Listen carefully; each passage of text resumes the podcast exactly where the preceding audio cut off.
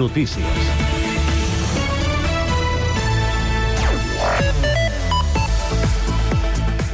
Bona tarda. L'Ajuntament de Sant Cugat i les entitats ecologistes han analitzat al detall la ubicació alternativa per a l'edifici de l'Escola La Mirada i han constatat que és viable i que seria inclús més ràpida de construir que la del bosc de Bullpalleres, que continuarà encallada als jutjats uns quants mesos més.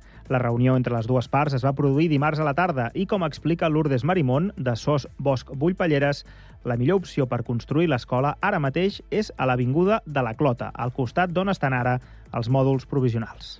I aquesta és la prioritària que vam tractar amb totes les característiques que té, i aquest va ser l'objectiu principal de la, de la reunió, identificar que és viable, que és més sostenible, més econòmica i més ràpida, perquè no caldria esperar tota la resolució de la, dels procediments judicials. El tinent d'alcaldia de Relacions Institucionals, Bon Govern i Ciutat Digital, Jordi Puigneró, torna a carregar contra el govern anterior pel forat econòmic que han deixat i que els ha condicionat en el pressupost que han, que han presentat per al 2024 i qualifica la gestió d'Esquerra, PSC i la CUP els últims quatre anys de deixadesa econòmica.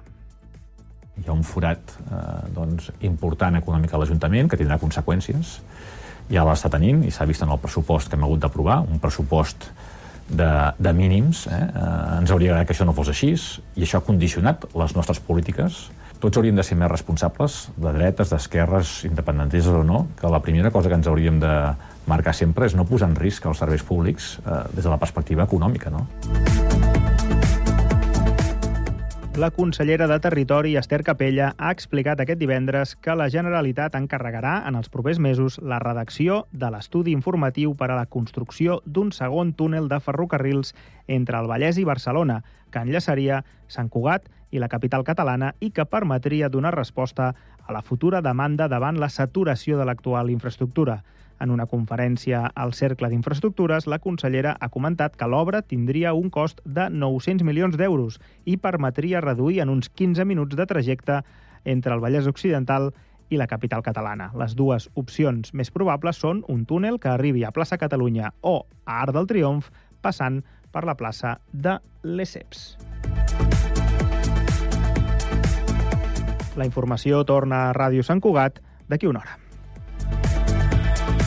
Cugat Mèdia, la informació de referència a Sant Cugat.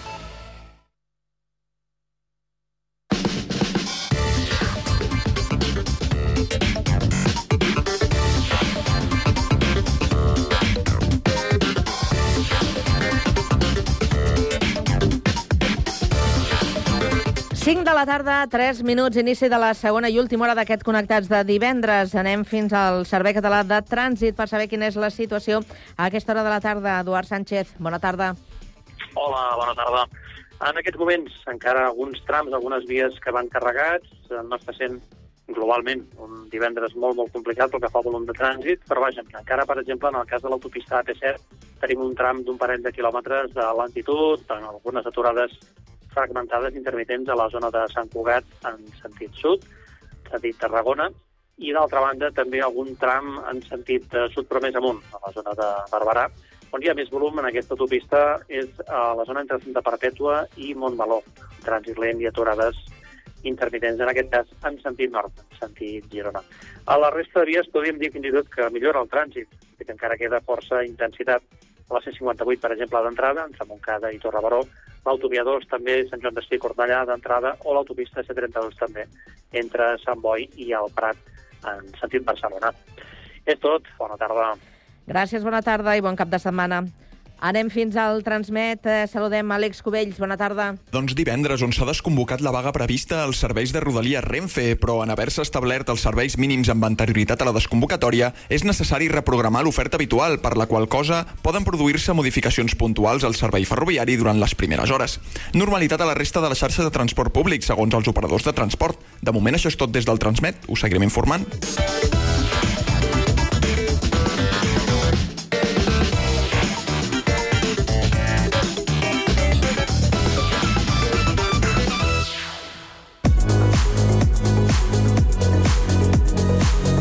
Cada tarda, de 4 a 6, Connectats. Una experiència radiofònica a Sabadell, Terrassa, Sant Cugat, Castellà, El Prat i Badalona.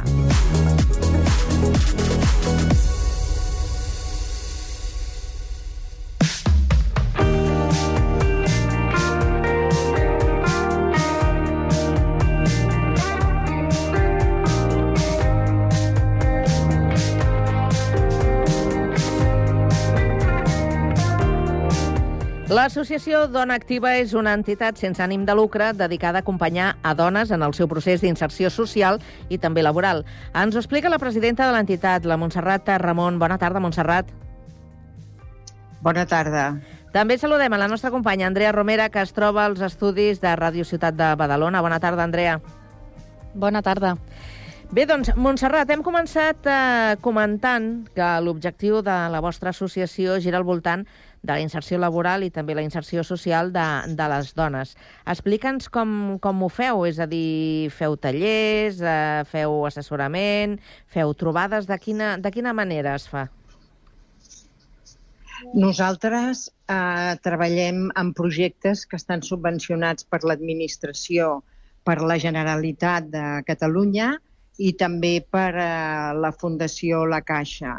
Aleshores, són itineraris que tenen com a finalitat la inserció social i laboral de dones amb risc de vulnerabilitat. Aquests itineraris consten d'una primera trobada, aleshores es valora a la persona quin itinerari ha de seguir, quines accions ha de fer, més les accions més adients per aconseguir l'objectiu i la finalitat, que és doncs, el, el trobar un lloc de treball. Mm -hmm. Per tant, eh, eh, on hi poseu molt d'èmfasi és en, en, en el fet de l'alfabetització mediàtica i tecnològica. És a dir, que aquestes dones eh, puguin fer servir des d'un ordinador a fer servir xarxes, o sigui, tot el que tingui a veure amb la tecnologia és el que mm, a vosaltres us interessa reforçar, no? Sí, sobretot eh, amb un, depèn una mica del nivell de la persona, però en general es fa, es dona molta importància a l'alfabetització tecnològica i a les competències digitals, perquè avui dia sense això és molt complicat. Mm. mm. Nosaltres, competències digitals, ho incorporem també a altres programes que tenim de, de foment de l'emprenedoria, i, i bé, és que sense... I sobretot a la, a la utilització de xarxes eh, i si, eh, si cap a la inserció laboral, doncs, sobretot el saber moure en un entorn digital per la recerca de feina. Clar. Com bé comentaves al principi, Montserrat, treballeu a través de projectes i de tallers i hem estat cotillejant una mica la vostra web, la web de Dona Activa, i un dels tallers que ens ha mm. cridat l'atenció és el Dia de l'Experta. Explica'ns una mica en què consisteix. Mm. Sí, el Dia de l'Experta és en els itineraris que fan les dones que venen a fer inserció laboral, doncs aleshores eh, cada una eh, planteja una cosa de la qual és experta sigui el que sigui. És a dir, pot ser doncs, eh, des de cuinar, eh, fer alguna, alguna mena de manualitat, eh, donar algun tipus de xerrada, o sigui, cada una té que triar un camp en el qual domini i sigui eh, doncs, el suficient experta com per transmetre-ho a les altres. I això és una manera que, que ens va molt bé i que té molt bon resultat per, com, per apoderament de, la, de les dones que hi participen, de les dones que imparteixen el taller. Aquest projecte també ve donat per la Generalitat o la Fundació Social La Caixa, com comentaves, o és més aviat una iniciativa pròpia de l'entitat? No, nosaltres plantegem les iniciatives i aleshores doncs, eh, demanem els projectes que ens els financi l'administració. Però, diguéssim, el contingut bàsicament el contingut dels projectes i la forma, això ho dissenyem nosaltres. Amb aquest tipus d'activitats imagino que a banda de potenciar el, el tema de la inserció social i laboral de les dones, que és el vostre principal objectiu, també és una manera de que les dones entre elles acabin creant vincles d'amistat, no? Oh, i tant, sí, sí. És que és fonamental per aconseguir tal, sobretot la inserció social per descomptat, però també per aconseguir que elles es motivin, agafin força, de cara a la inserció laboral i, sobretot, el seu apoderament. Això és importantíssim, la creació de vincles entre les dones que hi participen i la creació de xarxes entre elles. Alhora que també fomentem que amplin la seva xarxa en el lloc que viuen, que s'impliquin, és a dir, per nosaltres és molt important que elles amplin la, la seva xarxa de contactes, podríem dir, o de relacions. Clar, és un bon punt de partida per després aconseguir tota la resta, no? Exacte, sí, sí, és molt important, perquè així també una s'ajuden entre elles, eh, s'encomanen actituds, intentem fomentar que s'encomanin les actituds positives, eh, expliquen experiències que han tingut, aleshores elles es veuen com al centre de l'atenció i això és molt important. Al principi comentaves que també li doneu molta importància a l'àmbit de l'emprenedoria. Com ajudeu a les dones sí. en aquest aspecte? Sí, és a dir, nosaltres l'entitat té dues línies de cara a la inserció laboral. La que us he explicat, la, la inserció laboral, que seria el treballar pels altre, per altres, i el foment de l'emprenedoria. L'altra línia seria això, el foment de l'emprenedoria. En aquest cas, doncs, donem suport a dones que tenen una idea de negoci, eh, ja sigui molt ben elaborada o molt al començament, aleshores eh, venen i les assessorem amb tot el procés. Les ajudem a fer el pla d'empresa, les ajudem a buscar finançament, si s'escau, i després també eh, bueno, hi ha després un seguiment posterior per, per ajudar en el cas de que, de que sigui necessari. També en alguns casos els hi oferim reunions amb mentores i aleshores bueno, és una altra línia que té l'entitat que, que funciona bastant bé. De fet, en l'àmbit de l'emprenedoria treballeu en el projecte Gira Mujeres de Coca-Cola, que és un projecte justament sí. per això, per dones emprenedores. Explica'ns una Exacte. mica en què consisteix aquest projecte. Sí, mira, aquest projecte és molt maco perquè parteix de l'empresa privada. Aleshores, eh, l'any 2016, des d'Atlanta, que és la seu de Coca-Cola, es va iniciar un projecte que es deia 20 by 5, que eh, constava amb que mm, s'havia de, mm, de fer eh, tallers d'emprenedoria eh, per dones fins al... o sigui, durant cinc anys, fins al 2021, a tot el món.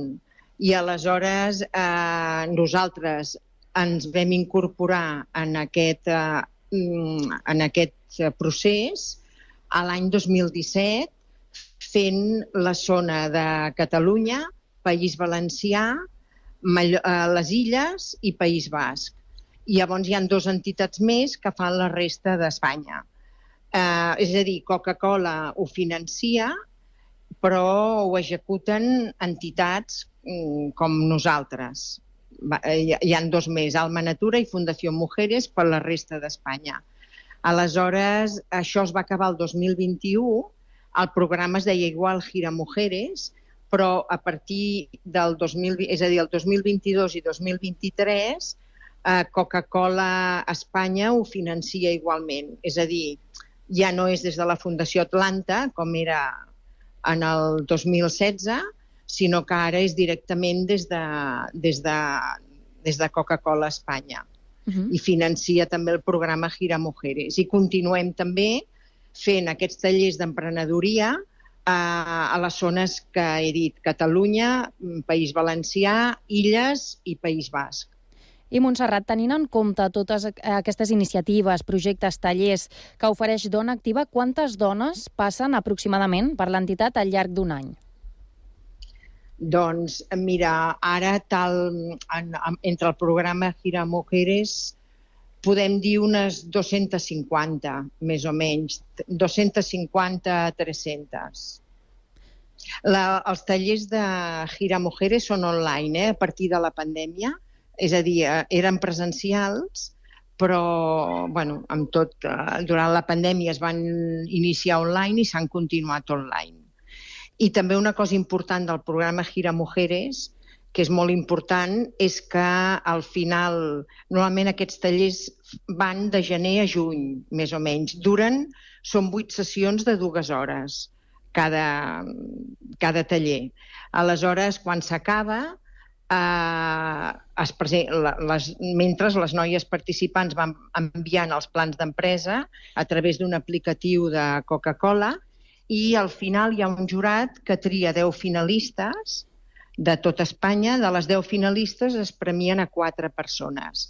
Um, primer es donaven 5.000 euros i aquest any ho han pujat a 8.000. A 8.000 euros doncs, per inici del negoci a fons perdut. Des de Dona Activa, Montserrat, imagino que per aconseguir totes aquestes iniciatives, per aconseguir fer-les bé, eh, coordinar-les i gestionar-les, deveu de ser moltes mans, no? Treballant. Aproximadament quants treballadors sou, treballadores? Eh, sí, amb fixes, en aquests moments som vuit persones. I després hi han els professionals externs, que, eh, doncs, bueno, eh, que executen formacions, eh, jo que sé, doncs, eh, un servei de psicologia, eh, algun, o sigui, són serveis externs que anem contractant. Et preguntava això perquè... Col·laboradors externs, vaja. Et preguntava això, deia, perquè hem vist que també accepteu voluntaris, no?, que poden treballar amb vosaltres a l'entitat, ja siguin persones individuals o entitats. Sí, sí, sí, sí. De vegades hem tingut... Eh, bueno, en algun taller ha vingut alguna persona estudiant que li interessava pues, el taller de l'experta o, o també el taller d'estenoteràpia que fem per, per noies, que també són les tècniques actorals, fer dinàmiques mitjançant tècniques teatrals o actorals i aleshores hi ha, hi ha gent que ens demana doncs, per participar, per veure-ho o per col·laborar. I escolta una cosa, Montserrat, eh, després de tot aquest treball, de tot aquest esforç eh, que feu a, a l'entitat, eh, quin és el volum, el percentatge de dones que aconsegueixen inserir-se eh, amb èxit al mercat laboral? Mira, normalment estem entre un 10 o un 15% d'inserció per compte aliena. Eh? Uh -huh. uh, per el que és emprenedoria, uh, mira, aquest any de uh, 100, 135 participants han acabat 80 plans d'empresa, Aleshores, bueno, s'hauria de veure d'aquests plans d'empresa quines altes hi hauran d'activitat i d'autònoms, que vol dir que, que inicien. Però això suposo... A veure, ara farem la valoració passat uns mesos, perquè això estem parlant de dades de, del mes de juliol. Molt bé, doncs eh, avui hem conegut eh, Dona Activa, aquesta entitat que presideix la Montserrat Ramona Badalona. Moltíssimes gràcies i que vagi molt bé la tarda. Molt bé, moltes gràcies. Gràcies, Andrea. Fins després. Bona tarda.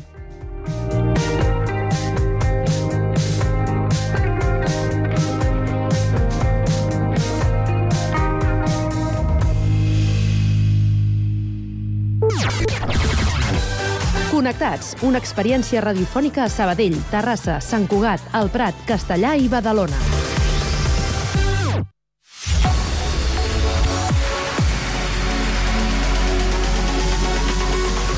Connectats a les xarxes.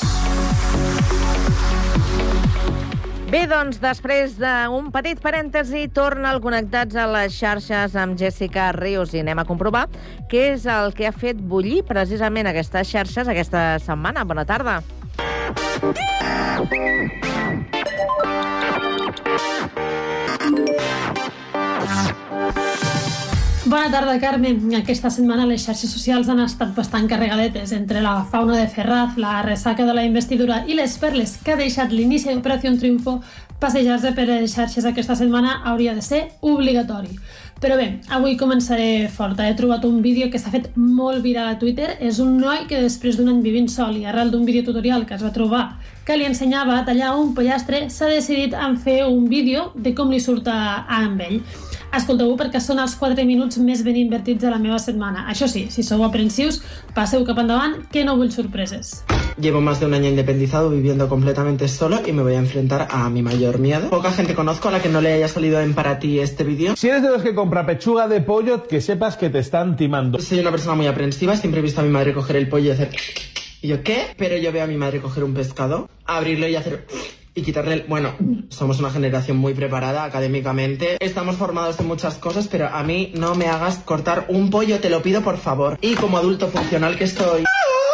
He dicho, voy a hacer un caldo. Y he ido a comprar las carcasas de pollo, los cuartos traseros de pollo. Luego he pensado, ay, me apetecería una pechuga de pollo. Y he visto el pollo entero y he dicho, oye, mi madre ha hecho siempre esto, comprar el pollo, partirlo y te da para el caldo, para hacer unas salitas, para hacer unos muslitos al horno. Digo, así tienes... Me he visto el vídeo muchas veces, digo, sin entender cómo lo hace, me va a dar una arcada ahora mismo. Me acabo de lavar las manos. Ay, es que no puedo. Digo, ay, caldillo. Es que no me veo preparado. Es que no me veo preparado. Vale, ya está. O sea, mi madre hace esto. O sea, no pasa nada, es un pollo. Antes la gente tenía que cazar para... Para comer. No, no, no, no, no. No, no, no, no, no, no, no. Oscar, es un pollo. Escoger el pollo. La juventud está preparadísima. No puedo, no puedo, de corazón, no puedo. De corazón. Oscar, Dios santo, es coger un pollo, Cari, y ponerlo en una bandeja de plata. Es que no, de corazón es que no estoy pudiendo nada. Oscar, imagínate que, que tienes que alimentar a una familia. Sacas. ¡Ay, ay, ay! Encima he cogido este que era de corral y costaba el doble, porque el que era como blanco rosa me está dando mucho asco. Me va a dar algo, me va a dar algo, me va a dar algo. Lo estoy pasando muy mal y necesito que venga mi madre a ayudarme a cortar el pollo este. Es que no. Esto de tan psicológico dice que le hagas una incisión aquí en el muslo.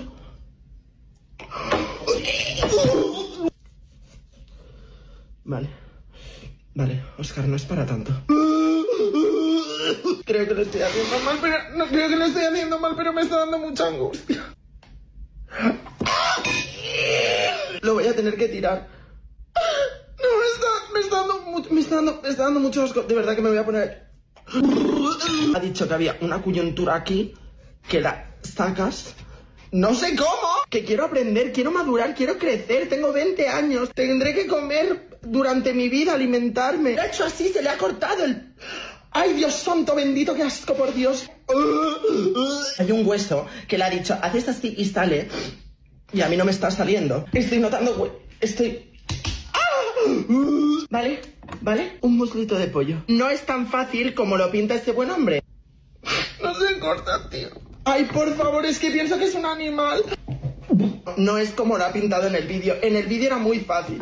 ¡Ay, por Dios! Que alguien venga y me diga, porque este señor ha hecho. Sacamos la coyunturita y yo estoy. Bueno, bueno, bueno, bueno, bueno, bueno, bueno, bueno, bueno. Es que estoy disociando. Estoy blanco, eh. Estoy bla- O sea, es la última vez que hago esto. Vale, una alita de pollo, otra alita de pollo. No puedo. De verdad. Dice que esto para el caldo, que no sé ni si voy a subir esto porque me lo van a quitar por material grotesco. Estoy aprendiendo, es un aprendizaje para la vida adulta porque... Vale, y ahora por aquí dice que por la misma línea vas cortando y que va saliendo la pechuga sola, dice. ¿Vale? Tengo una pechuga de pollo. Ojalá ser un niño toda la vida y nunca entrar en la vida adulta porque esto... Vale, lo he hecho. O sea, esto es ser una persona... O sea, me acabo de convertir en una persona adulta. Tengo la otra pechuga de pollo. Esto es la carcasa para el caldo. O sea, tengo las carcasas para el caldo, las dos pechugas enteras, los dos muslos y las alas. No me he sentido tan orgullosa de mí. Bueno, ahora me da pena por el pobre pollo. Pero ¿sabes lo que me da pena? La peste que me hacen las manos. Si aquest noi ha sobreviscut un any sol, els que esteu pensant en si esteu preparats per independitzar-vos, sí, ho esteu. Em fa molta gràcia perquè diu Tengo 20 años, tendré que alimentarme. Òscar, amic, busca al Google a Ubetaca, si saps com s'utilitza un microones, que també ho dubto, està salvat. Fins i tot podràs fer fotos i penjar-les a les xarxes amb l'etiqueta Òscar Masterchef. Seguim d'un crac a la cuina a una crac a de les estafes perquè aquesta setmana es va celebrar el judici de Shakira per haver estafat 14 milions d'euros a Hisenda. Al final se'n va de Rosita sense entrar a presó, tot i que li han caigut 3 anys i pagar 7,2 milions d'euros de multa. Doncs les xarxes s'han fet virals amb memes comparant com s'orella del jutjat després d'haver pagat tal milionada amb no tristos i desquiciats que ens quedem alguns quan ens passem una mica amb les despeses del mes i veiem com el compte corrent s'aproxima als números vermells. Vaja, com dirien alguns a les xarxes, una lloradita i a seguir. Ara us crearé la necessitat d'anar a corrents a Twitter, o X, però bueno, per mi sempre seguirà sent Twitter. Doncs aneu corrent perquè veureu la digievolució de Pilar Rahola. Aquesta vegada ha canviat de, el nom i tot, ara es diu Ada Colau. L'exalcaldessa de Barcelona ha anat a la perruqueria del seu barri i s'ha deixat fer un look moderno, que dirien les àvies. A mi m'ha recordat a la periodista, però busqueu l'usuari a Twitter arroba xmiserax, miserax amb CH, i veureu la comparació amb un dels personatges de Florentino Fernández, que està molt ben aconseguit. Ara sí, anem a lo que tothom esperàveu. Ha començat Operació Triunfo 2023. Aquí comienza Operación Triunfo 2023. 18 concursants, només n'entren 16, una gala zero rara, amb xenó de presentadora sense perdre el seu estil, una mica pedant i tot, diria. El jurat que no, que no el coneixen ni a casa seva, però amb el mateix plató i l'acadèmia a Terrassa, tot com sempre.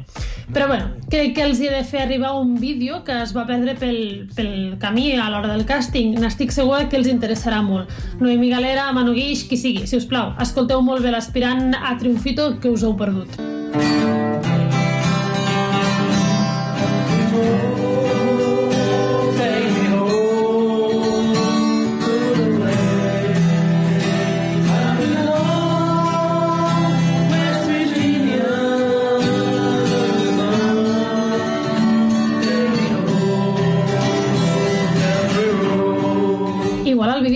arribar, però com saben que encara no pot trepitjar terra català, se'l guarden per l'any que ve. Qui sap? Ara per ara espero que esteu preparats per repassos de gala amb autoavaluacions tan profundes com la de la, tel- de la Thalia a la primera edició. Yo lo disfruté, ¡buah! Lo disfruté al máximo, al máximo, al máximo, al máximo. De hecho, estaba, estaba llorando, pero estaba sonriendo porque lo disfruté tanto, tanto, tanto. Anem a lo bo, el que us interessa. Voleu escoltar alguns dels aspirants a Triomfito que teni... aquí teniu a una de les estrelles de, de la nit. Ella con un beso, yo con mil razones para estar confiando en tus explicaciones.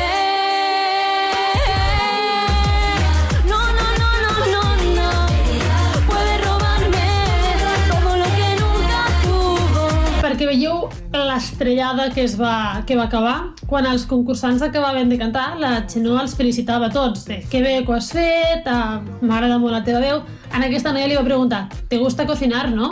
Vaja, que en poques paraules li va dir que s'havia equivocat de concurs Després d'això anem al que ens interessa de debò.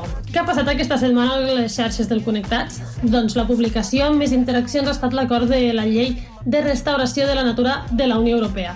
També hem entrevistat el Cisco López, un policia local que ha estat molt famós i estimat a la ciutat de Sant Cugat. També hem parlat de la crida per trobar voluntaris al gran recapte del Banc d'Aliments i hem repassat la cinquena nit dels Premis A de Vallès. Ho podeu recuperar tot a les xarxes del Connectats. Estem a Twitter, Instagram i Facebook. Però avui no només parlarem de xarxes, sinó que també d'estrenes. Ara que ja acabem novembre, les plataformes estan plenes d'estrenes de Nadal. Però jo avui me les saltaré. Dimecres es va estrenar la pel·lícula Crimes Diaries. Veo un México con hambre y con sed de justicia. Tú eres el candidato de mujeres y hombres afligidos por abuso de las autoridades expreso mi compromiso de reformar el poder para democratizarlo y para acabar con cualquier vestigio de autoritarismo. Tú tomaste esto.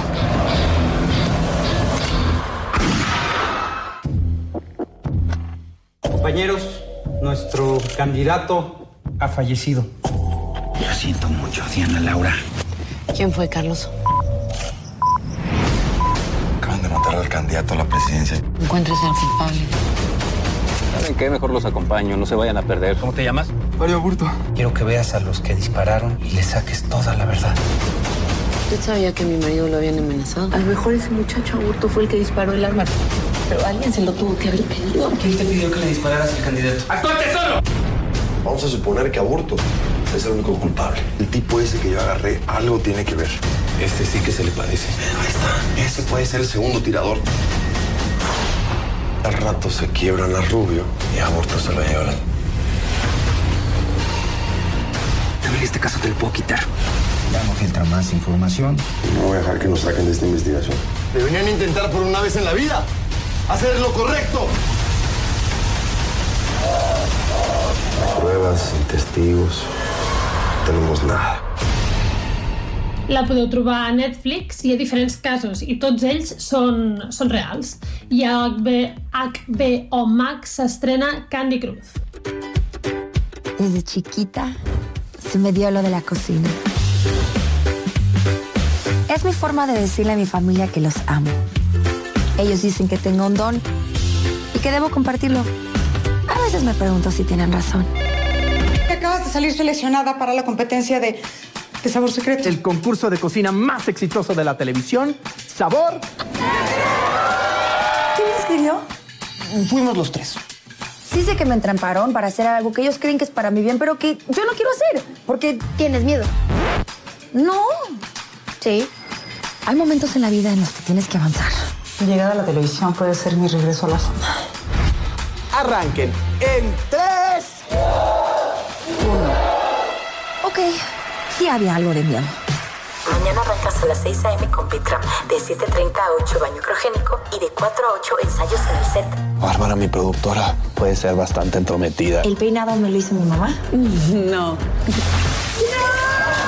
Cuando digo que no, es no. La única razón por la que no me he ido es porque yo no puedo confrontar a mi familia todavía. ¿Qué pasó con mi peinado? Anuncien a la concursante que perdió la mitad de sus puntos. Vamos a empezar por lo más obvio. Un cocinero cocina. Un chef crea. Así que, Pastel de chocolate picante. guajolote con relleno negro. Pastel de maracuyá. Si ganaras Sabor Secreto, podrías tener un restaurante así. Quiero que empieces desde aquí. El principito tiene esa espada. ¿Qué demonios te estás creyendo? Eh, ¿El conductor del programa? Y con ello puede romper todo.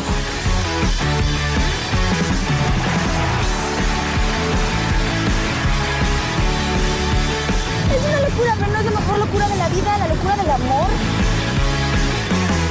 No les dice, devórame. I en el panorama musical, aquesta setmana els Catarres han tret un disc amb els seus clàssics versionats amb diferents grups i cantants catalans. Us deixo aquest Jennifer amb Figaflaues. Molt bon cap de setmana a tots. Ah, jo que voto Convergència i que tinc somnis eròtics amb en Jordi Pujol. Jo que sóc soci del Barça i no trago ni en pintura els pericos de Sarrià. Jo que l'1 d'octubre vaig defensar les urnes contra piolines i porres. Jo que, porto l'estelada aquí tatuada i tiro barres el flow de Pompeu Fabra. Jo sempre he defensat els productes de la terra, ara m'he enamorat d'una Johnny de Castefa.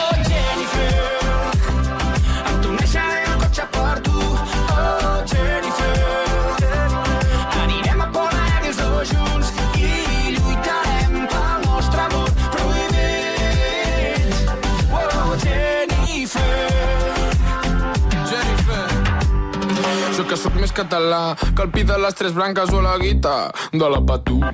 Jo que sóc un gran entès de la copla i la sardana i el mundillo casteller. Jo que sóc més radical que un oient de la sotana. Cremant Urquina, Ona i la Lletana.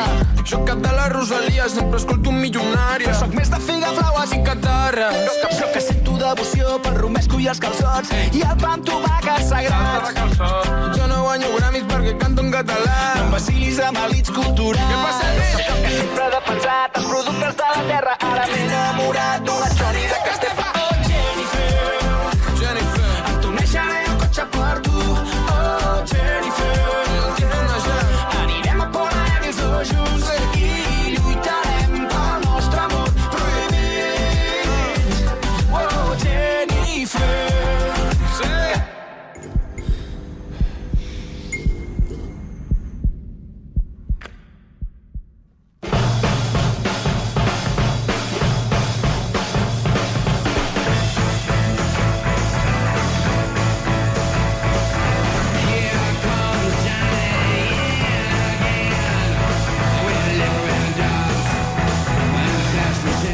Temps ara al Connectats, com cada divendres, per repassar les novetats. Tot allò que arriba a les cartelleres i que podem gaudir aquest cap de setmana.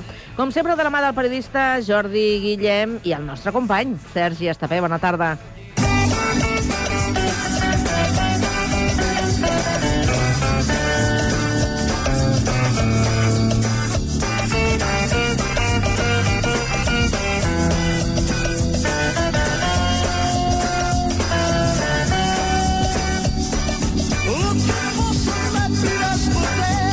Molt bona tarda i benvinguts a la darrera secció de cinema, no de l'any, sinó del mes de novembre, on repassarem, eh, com sempre, algunes de les estrenes importants i interessants d'aquesta eh, cap de setmana, les estrenes de la cartellera, tot i que Jordi Guillem, eh, periodista de Diari de Terrassa, el nostre cinèfil de capçalera, poques pel·lícules s'estrenen aquest cap de setmana, no? Bon dia, sí. Pel·lícula... Sí, com la setmana anterior, doncs... Hi havia més producció, sí, poques, però algunes força interessants. Algunes força interessants, com...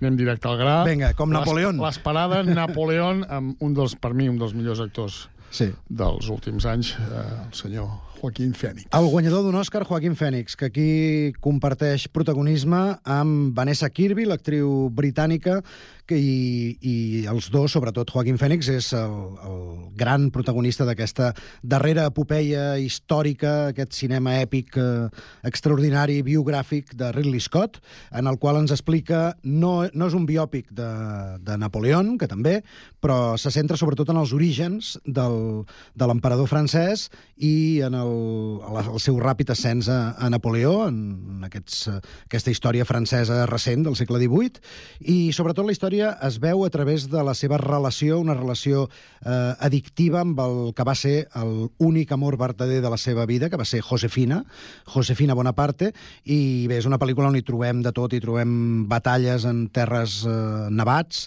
batalles a camp a través, eh, escenes eh, mm, més, plans més curts, en els quals es veu la personalitat de, un, un personatge històric que se'l coneix, Potser, evidentment. potser faltava, no? És a dir, hem vist Sí, no s'havia fet. pel·lícules d'Alejandro Magno, de, bueno, de Juli César, no fa Sí. que d'allò. Potser faltava, no?, una pel·lícula d'aquest eh, caràcter o d'aquestes dimensions de, de Napoleón, no? Sí, sobretot a nivell del cinema contemporani, perquè sí que Abel Gans va fer el famós Napoleón el- Sí. el- l'any segle passat, al principis de la dècada dels 30, però fins llavors ningú no s'havia dedicat a, a un personatge que dona per tant, no? Perquè això pots fer... I, i també deixa'm dir que hi ha eh, altres actors destacats com Ludovine Senyer, El director Rupert Everett... o no? Sí, El director un sí, crac. sí. El director és Director Ridley de Gladiator, Scott. Ridley sí, Scott, sí. que ja està acostumat a fer aquest tipus de... Telma i de etc. pel·lícules, per tant, doncs, eh, esperem que, no sé, jo crec que veient el tràiler, no? Sí. Però això també pot enganyar, no?, que pot ser una, una de les pel·lícules de l'any o de, Home, era de les, dècada. de les més esperades, sí, sí. És llarga, dura 158 Paràvem minuts. els assassinatos de la Luna. Sí, aquesta la supera. És a dir, Los asesinatos de la Luna és més llarga, aquesta, déu nhi 140 minuts, eh, és, és una bona estona, però segur que serà la més vista a les sales, només per Joaquim Phoenix. Ja... Doncs farem una cosa, escoltarem una mica d'aquest Napoleón, aviam si us, us motiva. Vinga. Generals gathered in their masses. ¡Fuera de aquí! Los que ostentan el poder solo me ven como un bruto, indigno de un alto cargo.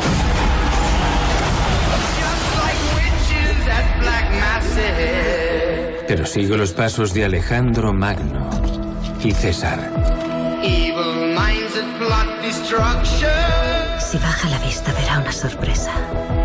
Y en cuanto la vea, siempre la ansiará. Sorcerer of death construction. Doncs aquest eh, Napoleón, hem sentit també la veu, eh, òbviament, amb la versió eh, castellana de la que fa de Josefina Vanessa Kirby. Vanessa Kirby, com deia el Jordi. De Napoleón continuem eh, amb un nom propi, en aquest cas Teresa, un drama fet a Espanya. Què, què em pots dir de Teresa? Doncs mira, que té relació amb Napoleó en el sentit que és un drama biogràfic d'una... La Teresa. La Teresa. eh, d'un personatge que va tenir molta, molta rellevància al, al segle XVI, aquest anem més enrere, eh, durant l'època de la Inquisició, eh, Santa Teresa de Àvila, Santa Teresa de Jesús, com li vulgueu dir. Eh, aquí el que més m'interessa d'aquesta pel·lícula és la seva directora, eh, Paula Ortiz, n'hem parlat alguna vegada, és la directora que va rodar La nòvia, que per mi és una pel·lícula de cinema espanyol que s'hauria de recuperar si no l'heu vist, que és una personal adaptació de Bodes de Sangre, amb una Mhm. posada en escena sensacional. I aquí doncs, ens parla això de la, la Teresa, que viu, eh, la, viu, viu pacientment, espera, diguéssim, l'arribada de l'inquisidor perquè la jutgi, i a partir d'aquí, segons el que digui, doncs l'esperen la presó, la llibertat o la foguera, una de les tres opcions. Aquesta pel·lícula és una adaptació de l'obra de teatre titulada La lengua en pedazos, de Juan Mhm. Mayorga, i està basada, com dèiem, en la figura, una de les figures icòniques de, del cristianisme, com és Santa Teresa de Jesús, protagonitzada a la pantalla per Blanca Portillo, una actriu que no necessita Va. presentacions. També hi apareixen Asier Echeandía, l'actor basc, i Greta Fernández, que ja hem de deixar de dir que és la filla d'Eduard Fernández, perquè ja s'està fent Però un, ho és, eh? un lloc. Ho és, ho ho és, hem sí, de sí. de dir, però és filla això no seva. treu que segueix, continua sent la filla del gran... I també d'altres d'altra gent com Clàudia, Tre Clàudia Treissà, que gent que, que estem acostumats a veure en sèries. Aquesta és d'un metratge més reduït, 100 minuts, i diguéssim que és l'estrena espanyola de la setmana. Doncs de Teresa, d'un drama espanyol, ens anem a una comèdia, en aquest cas de Gran Bretanya, que es diu Scrapper. Què, què m'explicaries d'això? Doncs mira, que Scrapper, o Scraper, o com s'hagi de dir, eh, la traducció... Scraper, suposo. Sí, la traducció en castellà és peleona, que Eh? define... Peleona, Sí, sí, en sí. català no sé com... com Bueno, no ho sé. no, ho sé, no em surt la paraula, en aquest context. És, és la història d'una nena de 12 anys, una nena molt somiadora, molt, molt així... Eh, Molt peleona. Vivaratge, diguéssim, en surten eh, castellanismes avui, que es diu Georgie i que viu sola, eh, qual cosa sorprèn, i feliç en el seu pis de Londres, eh, omplint-lo d'alegria, felicitat i màgia. De sobte, per això, apareix el seu pare, eh, separat i l'obligarà a enfrontar-se a la realitat, que és ben diferent d'aquest món de fantasia en el, qual, en el qual ella viu. És una pel·li que ha dirigit eh, una dona, Charlotte Regan, la protagonitzen Lola Campbell, que és la que interpreta aquesta nena, i també Harris Dickinson, eh, entre d'altres. Pel·lícula britànica, molt britànica, i hem de dir que va estar eh, present al Festival de Sundance, va ser una de les pel·lícules destacades, va guanyar, de fet, el Premi del Jurat, Mhm. i és una pel·li així juvenil, amb un enfocament desenfadat i molta energia, amb idees eh, visuals molt interessants i que jo tinc ganes de veure-les, d'aquelles pel·lis britàniques que fan que fan, fan ganes de veure. Molt bé, escoltem, doncs, una miqueta de Scrap, Scrape. No puedes quedarte. Me quedaré todo lo que quiera. ¿Y si es un gángster importante? A lo mejor ha estado en la cárcel. Vale, escúchame bien. No, no es un vampiro. Eso es una estupidez. ¿Crees que va a quedarse? Me da igual. ¿Crees que puedes aparecer, decir que lo sientes y que todo va a ir bien? Doncs aquesta història feta a Gran Bretanya d'un pare que reapareix a la vida d'una noia que és molt... Bueno, com has dit? Peleona, vivaratge... Peleona és el títol de, de la pel·li. Doncs bé, La comparen història, amb After Sun i altres, uh, altres drames així britànics. Drames comè... Comèdia, tocs de... comèdia, sí. no? Mhm. Tu, marxem a Mèxic, un drama, es diu Heroico. Què em pots explicar de tot d'aquesta pel·lícula? Doncs que és una pel·li que pinta molt bé. Uh, venim de Sundance i tornem a patar a Sundance, perquè aquesta pel·li va, va participar Mhm. al festival de... que organitza cada any Robert Redford. Està basada en fets reals. És un drama sobre l'exèrcit i retrata, diuen els que l'han vist, que retrata perfectament com és la instrucció militar i les, les novetades que hi ha, la duresa del règim jeràrquic, i, i és una pel·lícula difícil de veure en aquest sentit perquè és molt dura i, com deia, estava basada en fets reals. És la història d'un uh, adolescent d'origen natiu americà que s'inscriu en un col·legi militar mexicà buscant millorar el seu futur, diguéssim, i els seus nous companys doncs, el, el sotmeten a un, això, a, a novetades, a humiliacions, que la cosa va, va creixent. És una pel·lícula, eh, això, molt dura, que es va veure al Festival de Sundance i que ens arriba avui, suposo que en poques còpies, perquè no, no resistirà la comparació eh, de cartellera amb Napoleón, per exemple, però si la podeu veure, doncs no està malament. Dirigida per, per un cineasta mexicà, David, David Zonana, i protagonitzada per Santiago Sandoval. Fins ara hem parlat de quatre pel·lícules que només és una paraula. Napoleón, Teresa, sí. Scraper i Heroico. Ara ja no. Ara fem una frase una mica més llarga, no molt, amb aquest drama fet a Espanya que es diu El amor de Andrea. Sí, senyor, una pel·lícula d'un director que es prodiga poc, que a mi m'agrada molt, Manolo Martín Cuenca. El recordareu segurament perquè ha fet, sobretot, eh, drames, eh, cinema espanyol. L'últim va ser L'autor, una, una pel·lícula interpretada pel nostre admirat Javier Gutiérrez, basada en una novel·la de l'autor de Soldados de Salamina, de Ajuda'm, que no ho sé. Javier Cercas. Javier Cercas, gràcies. També una pel·li que a mi m'encanta, que es diu La flaqueza del bolchevique, Caníbal, també, amb Antonio de la Torre, i aquí se centra en una història aparentment pueril, és un drama familiar de- d'una noia de 15 anys que es diu Andrea, que vol recuperar l'amor del seu pare, que va, els va abandonar, va desaparèixer de les seves vides quan es va separar de la seva mare, i ella recorda el seu pare de petita com un pare amorós, eh, que estava sempre per ella, té dos germans petits, i a partir d'aquí doncs, ha de prendre la decisió aquesta d'apropar-se a ell, de retrobar el pare, que evidentment el pare que tenia amb 7-8 anys no és el mateix que quan és ja preadolescent, amb refet 15, la seva i ha refet no? la seva vida. És una pel·li que es va veure a la Seminci de Valladolid i que té actors desconeguts, que això sempre està bé. Lupe Mateo Barredos, la protagonista, Mhm. i això, és una pel·li petiteta, espanyola, d'un director M'agrada aquest interessant. concepte de pel·li petita. Sí, sí, i, i, i si us agrada el grup Vetusta Morla, doncs fa la banda sonora de la la pel·lícula, per tant, doncs també amb una bona música. Doncs acabarem aquest repàs a les cinc eh, pel·lícules destacades que ens porta el Jordi escoltant una miqueta de El amor de Andrea. ¿Quién es ese? Es papá. ¿Y por qué no vamos a verle? Papá ya no nos quiere. Algo le habrá pasado. Te quiere seguro. Tu padre se ha ido. De la que está aquí cuidando de vosotros soy yo. Pero tú lo querías. Quiero ver a papá. Yo también. Doncs eh, aquesta, bueno, aquesta trama que de vegades és molt habitual, no?, dels pares o mares que de, desapareixen de la vida dels fills i després, eh, pel que sigui, es recuperen, no, a vegades acaba bé, a vegades acaba malament. També s'estrena avui una pel·lícula d'animació feta als Estats Units, que es diu Wish, el poder de los deseos, i dos documentals fets a Espanya. Un és Jo tenia una vida i l'altre es diu No, no quiero. Nosaltres sí que volem és... Eh, Vuit estrenes, eh, només? Potser és dels molt- dies que menys, eh? Felicitar a un director de cinema. Sí, senyor. Serbi. Serbi, que es diu... Fa 69 anys? Quan? Fa, avui, avui, aquest divendres. Fa 69, 69 anys que es diu sembla un nom de futbolista, ho haig de dir, Emir Kusturica. Emir Gol Nemanja de Kusturica. Sí, ho veig, ja ho visualitzo. Eh? Gol, Gol de Kusturica a les gaunes, per Marcó a les gaunes, exacte. Tu has estat a les gaunes? Jo sí. No, no. Tu no. Molt doncs Emir Kusturica va néixer tal dia com avui, el 24 de novembre de l'any 1954, a la ciutat de Sarajevo, llavors eh, de l'antiga Iugoslàvia.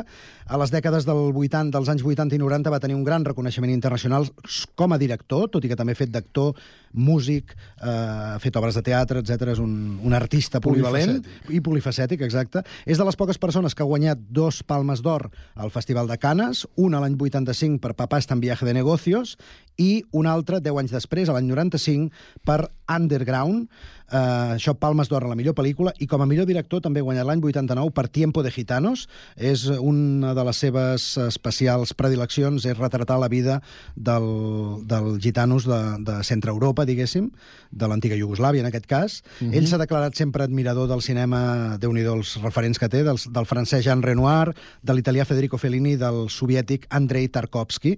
És eh, un cineasta controvertit perquè, per exemple, eh, una de les seves pel·lícules, que en parlàvem abans, eh, eh, en aquest cas Underground, est- la van criticar molt per ser pro-Sèrbia, perquè eh, incidia bastant en el conflicte entre serbis i croats, Uh, i, a, I a partir d'aquí ell té una trajectòria professional bastant important. Va, va estudiar cinema a Praga, fins i tot va fer una incursió als Estats Units uh, per dirigir uh, una pel·lícula que es deia El sueño de Arizona, de l'any 1993, una pel·lícula amb actors americans.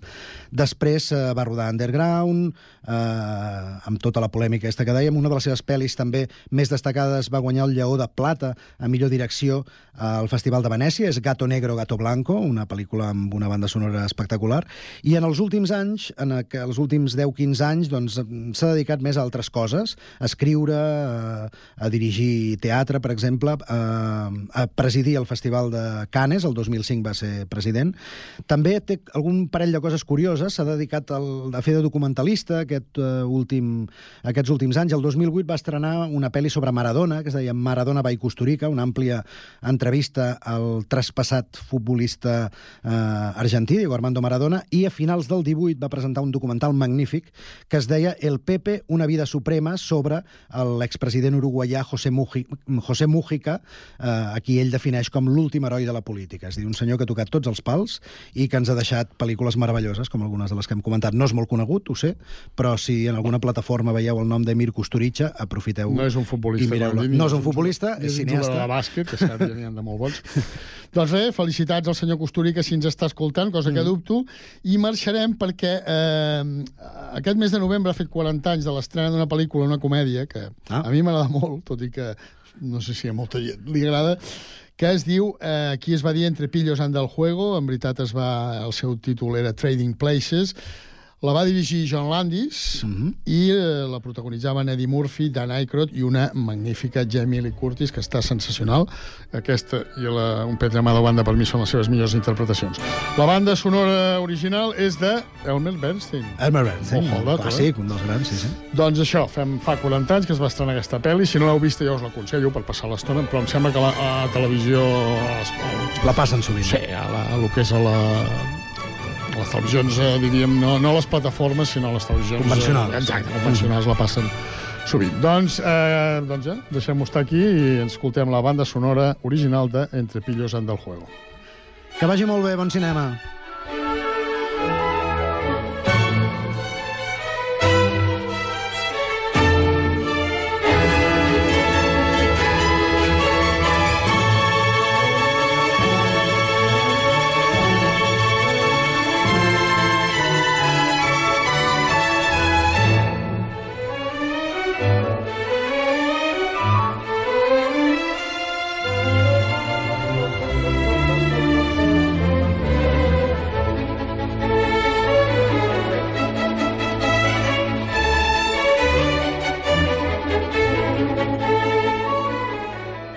It's Friday then, it's Saturday, Sunday.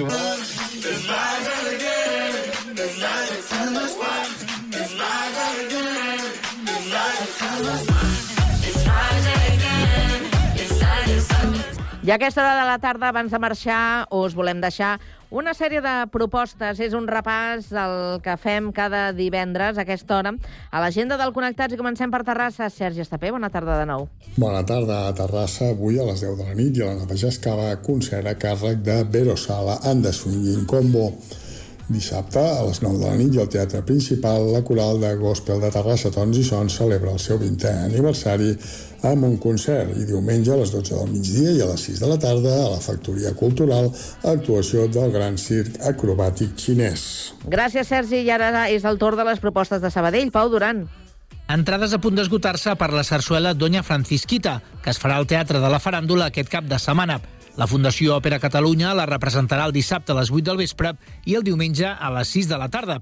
Creada a partir d'una narració de Lope de Vega de 1604, La discreta enamorada, Doña Francisquita explica la història d'una jove empoderada que s'ho fa venir bé per aconseguir el xicot que li interessa. Considerada una zarzuela grande, serà el quart muntatge de la temporada de la Foc que normalment no s'escenificava. Gràcies, Pau. Anem a comprovar què destaca en l'agenda de Badalona. Andrea Romera, bona tarda de nou. Bona tarda de nou, Carme. Aquest dissabte al Teatre Zorrilla a les 8 del vespre torna un any més per Santa Cecília el concert especial de la Banda Sinfònica de Badalona, aquesta vegada de la mà de Miquel Arrué. La banda ha preparat el programa Sons del Nou Món, un viatge musical per Amèrica, un recorregut sonor que recollirà la riquesa i la diversitat musical del continent americà. I diumenge, a les 6 de la tarda, el Círcul presenta un concert a la Casa Blanca, una obra de teatre on Pau Casals ofereix un concert a la Casa Blanca convidat pel president Kennedy l'any 1961. Gràcies, Andrea. I pel que fa al Prat, Lluís Rodríguez, bona tarda. Bona tarda. L'agenda d'actes del cap de setmana al Prat es concentra en la jornada de demà dissabte amb la banda de música del Prat, que a les 7 del vespre oferirà el seu tradicional concert de Santa Cecília. També demà, però a les 8, la sala gran del Teatre L'Artesà acull l'obra La Isla de l'Aire, d'Alejandro Palomas, amb direcció de Mario Gas i que servirà de comiat per l'actriu Núria Espert. Tanquem el repàs amb el Festival de Metal Dark Eargasm Fest a la capsa que arrencarà a les 8 i s'allargarà fins a dos quarts de tres. En aquesta primera edició hi actuaran Adrift, Barbarian Prophecies, Jade, Litost, Moonloop i Vidres a la sang. Gràcies, Lluís. I és el torn ara per a les propostes de Castellà del Vallès. En Jaume Clavés, bona tarda. Bona tarda, Carme. Aquest cap de setmana a Castellà ens visita l'espectacle Guillermota. Es tracta d'un concert íntim de cançons de la Guillermina Mota interpretades per un alter ego molt particular, anomenat Guillermota, i és acompanyat del Jordi Cornudella al piano. El director, Jordi Prat i Coll, diu que es tracta d'un espectacle fet amb molt, molt d'amor, amb molt de joc i, sobretot, amb molt de respecte cap al repertori d'una dona extraordinària. Podeu veure Guillermota dissabte a les 8 i diumenge a les 7 de la tarda a la sala de petit format de l'Ateneu. Gràcies, Jaume. I des de Sant Cugat us proposem per demà dissabte i dins del programa que commemora el 25N, el Dia Internacional contra les Violències Masclistes, a les 10 del matí, la participació per pintar un mural contra la violència de gènere. Amb la il·lustradora Laia Saban és una activitat eh, gratuïta que no requereix eh, inscripció i que tindrà lloc al carrer de Josep Puig i Cadafalc número 810. Pel que fa a l'activitat de diumenge, destaquem a les 5 de la tarda la sessió de discoteca adaptada dins eh, de la, el Dia Internacional de les Persones amb Discapacitat que se celebra el pròxim 3 de desembre. Això està organitzat eh, per ASDI i tindrà lloc aquesta sessió a la Sala Boca, a Avinguda de les Corts Catalanes, número 2.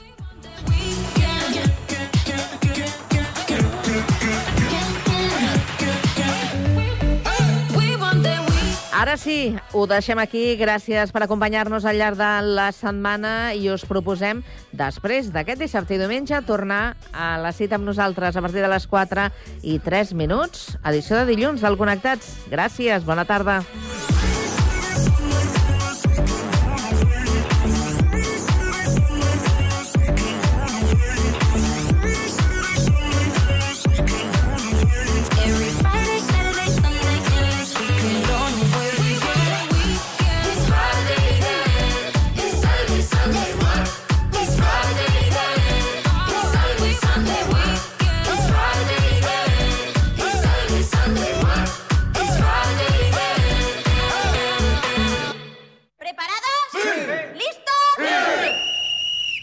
Mèdia participa en els actes del Dia Mundial de les Persones amb Discapacitat i et convida a la projecció de Campeonex, de Javier Fesser. Soy la nueva entrenadora y estoy reuniendo al equipo de los amigos. I que bueno volar, que bueno soñar. El dissabte 2 de desembre al migdia, al Cinema Sant Cugat, amb una sessió en què els nivells de llum i so estaran adaptats a tots els col·lectius. Per aconseguir les invitacions, només has d'entrar a www.cugat.cat i enviar un formulari. Yo no sé si voy a saber hacer esto, entrenadora. Cugat Mèdia. Som especials, com tothom. A mí esto me parece un peligro. ¡Bingo! Hola, buenos días. Somos el programa Partú, de Talleres de de Moragas, en la radio San Cugat. Buenos días, yo soy Rosa. Yo soy Alba. Ana. Yo soy Adriana. Javi. Lalo. Muy bien, chicos. Pues venga, adelante, Adriana, con nuestra primera sección. por tu casa arriba. Una competición de fútbol inclusivo formada por personas con diversidad, funcional de varias entidades. El reciclaje es vital para conservar nuestro planeta. Per tu, a Ràdio Sant Cugat i a Cugat.cat, amb el taller Jeroni de Moragas. Ràdio Sant Cugat. 91.5 FM.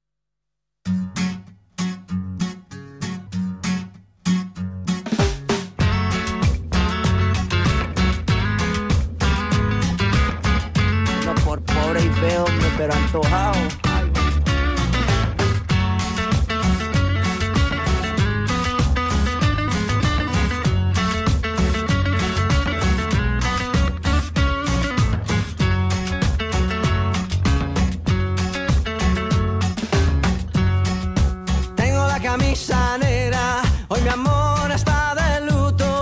Hoy tengo en el alma una pena y es por culpa de tu embrujo.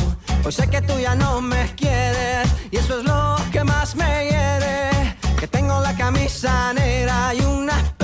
que me duele. Mal parece que solo me quedé y fue pura todita tu mentira. Que maldita mala suerte la mía que aquel día te encontré por beber del veneno malevo de tu amor.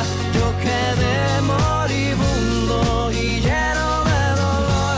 Respiré de ese humo amargo de tu adiós. Y desde que tú te fuiste, yo solo camisa negra. Porque negra tengo el alma. Yo por ti perdí la cabeza.